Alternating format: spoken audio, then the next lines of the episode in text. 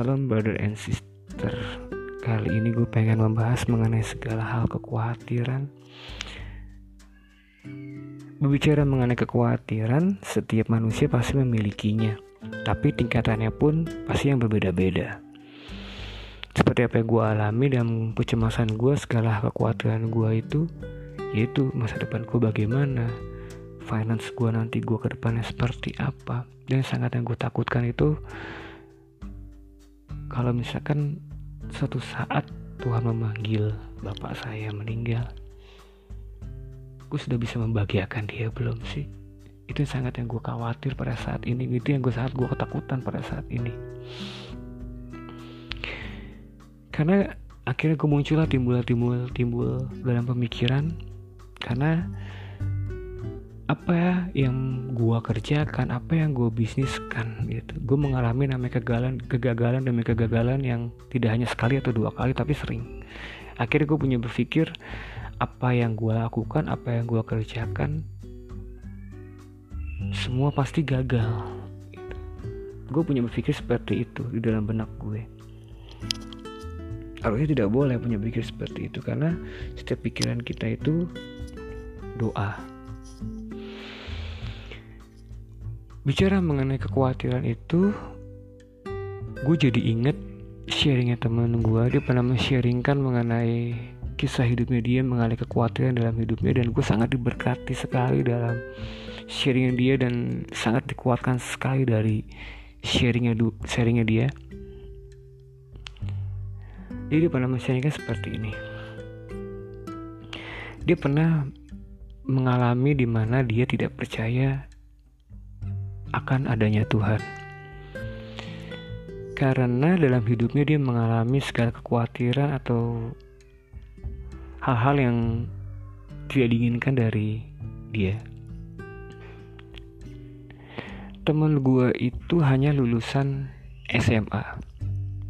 Jadi akhirnya dia mempunyai pemikiran yang timbul bahwa dia mau tidak mempunyai kemampuan yang melebihi dari orang-orang lain di luar sana.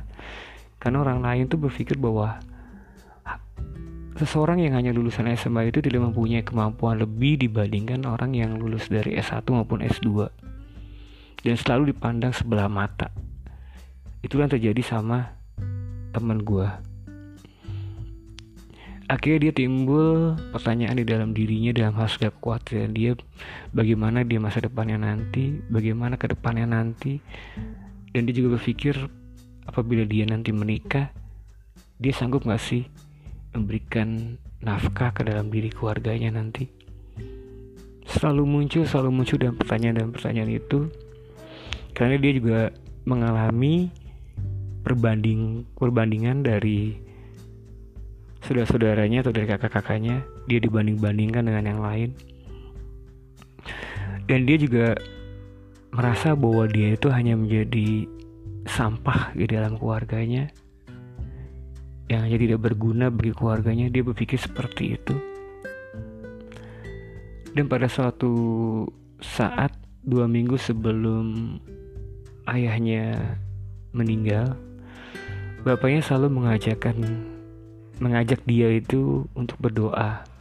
Atau bapaknya minta didoakan kepada teman gue dan teman gue hanya menjawab iya. Hanya sekedar iya saja. Tapi setelah bapaknya meninggal dia baru sadar.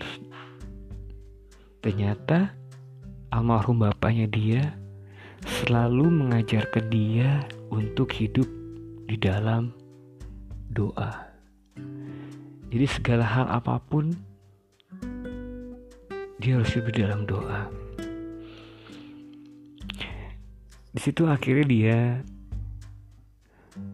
berusaha hidup di dalam doa walaupun teman gue itu dibilang bahwa dia berdoa itu bolong-bolong tapi dia berusaha untuk hidup di dalam doa dan suatu saat ada permohonan dia itu terkabul oleh Tuhan. Dan pada saat itu juga segala hal kekhawatiran dia, segala hal kecemasannya dia itu seolah kayak diangkat oleh Tuhan. dan itu semua luntur semua. Pada saat dia mulai hidup di dalam doa segala kekhawatiran segala kecemasan di masa lalunya dia itu luntur karena kuasa Tuhan. Dan di situ teman gue langsung merenungkan bahwa dia percaya bahwa setiap rancangan Tuhan itu ada rancangan terbaik buat dia dan selama kita percaya dan berserah kepada Tuhan ya semuanya akan berjalan. Jadi inti dari sharing itu adalah hidup di dalam doa.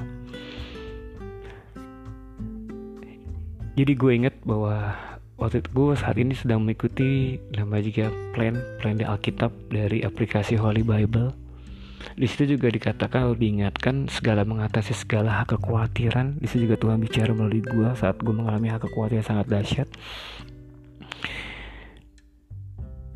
Di situ Tuhan mengajarkan bagaimana caranya mengatasi segala kekhawatiran. Dan Tuhan di situ bicara melalui gue caranya cuman serahkan kekuatan itu hanya di dalam doa. Jadi saat kita mengalami khawatir yaitu kita berdoa dan Tuhan juga mengingatkan selalu berpikir mengenai pikiran-pikiran yang positif karena apabila kita saat menghadapi segala kekhawatiran, kecemasan, ketakutan, dan kita punya berpikiran negatif, maka semuanya itu akan menjadi sia-sia dan menjadi kecemasan. Akhirnya kita berbuat yang tidak menyenangkan hati Tuhan. Banyak orang di sana yang bunuh diri karena berpikir yang kita negatif. Ah ini udah gak ada jalan keluarnya deh. Tapi apabila kita berpikir positif, bahwa Tuhan itu selalu ada buat kita dan rancangan Tuhan itu rancangan damai sejahtera bukan rancangan kecelakaan.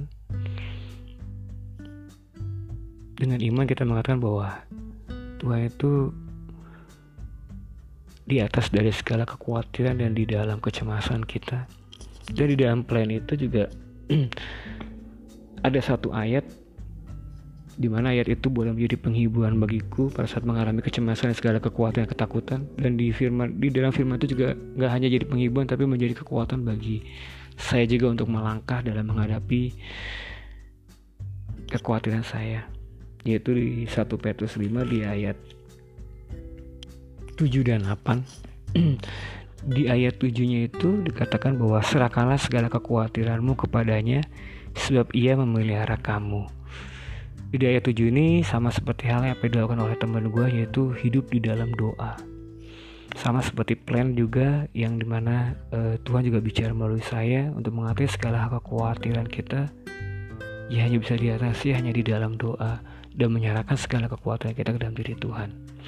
Tapi di ayat 8-nya juga Tuhan mengingatkan kita juga bahwa Sadarlah dan berjaga-jagalah lawanmu si iblis berjalan keliling sama seperti singa yang mengaum-ngaum dan mencari orang yang dapat ditelannya.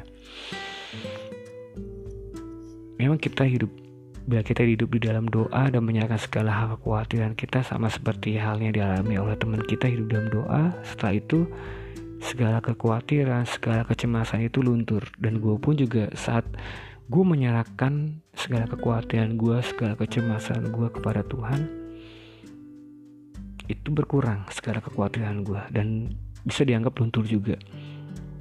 Tapi ingat, diingatkan lagi bahwa iblis tahu kelemahan kita, ya tahu iblis tahu kelemahan di mana. Itu bisa membuat kita khawatir dan cemas.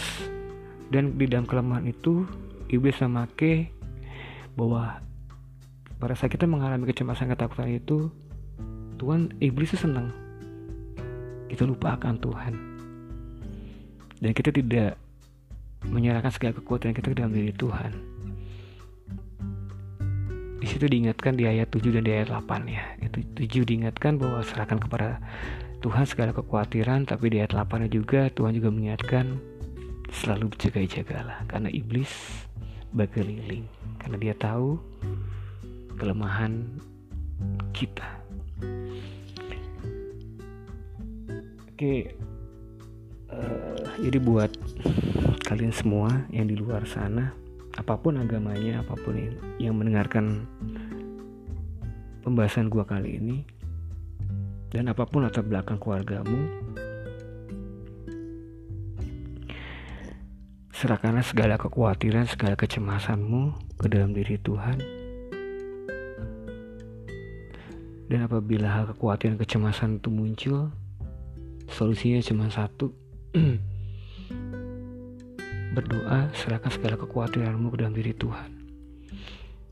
Kedua, berpikir yang positif bahwa Tuhan itu lebih tinggi dari kekhawatiran kita dan dan rancangan Tuhan juga rancangan sejahtera dan damai dan dan berpikir terus bahwa gue tuh di dalam rancangan Tuhan yang indah dan ketiga selalu mengucap syukur apa yang dialami apa yang kita lakukan pada hari ini sebelum aku menutup pembahasan mengenai kekuatan ini mari kita berdoa bersama Bapak di dalam surga Terima kasih untuk pembahasan mengenai hal kekhawatiran ini.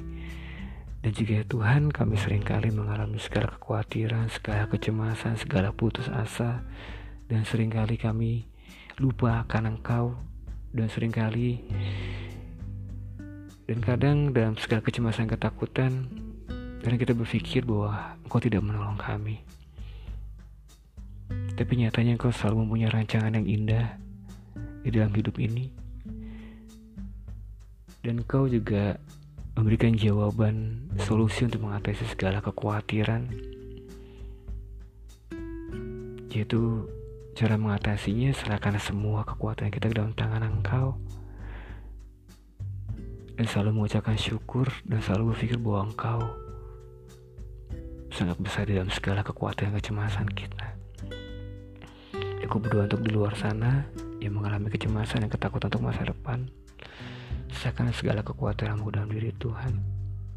Emang tidak mudah, tapi terus menerus berusaha dan berusaha. Apabila iblis memakai kelemahan kita, terus teruslah berjuang dan teruslah lawan dan serahkan selalu kekuatan itu dalam diri Tuhan selalu. Terima kasih ya Tuhan, hanya di dalam nama Yesus. Aku telah berdoa dan mengucapkan syukur. Amin. Oke, demikian pembahasan kita mengenai kekhawatiran semoga kali semoga konten gue ini bisa memberikan kekuatan bagi teman-teman di luar sana kita sama-sama belajar untuk menyerahkan segala kekuatan kita dalam diri Tuhan dan memberikan tempat yang tertinggi kepada Tuhan di atas segala-galanya. God bless you all.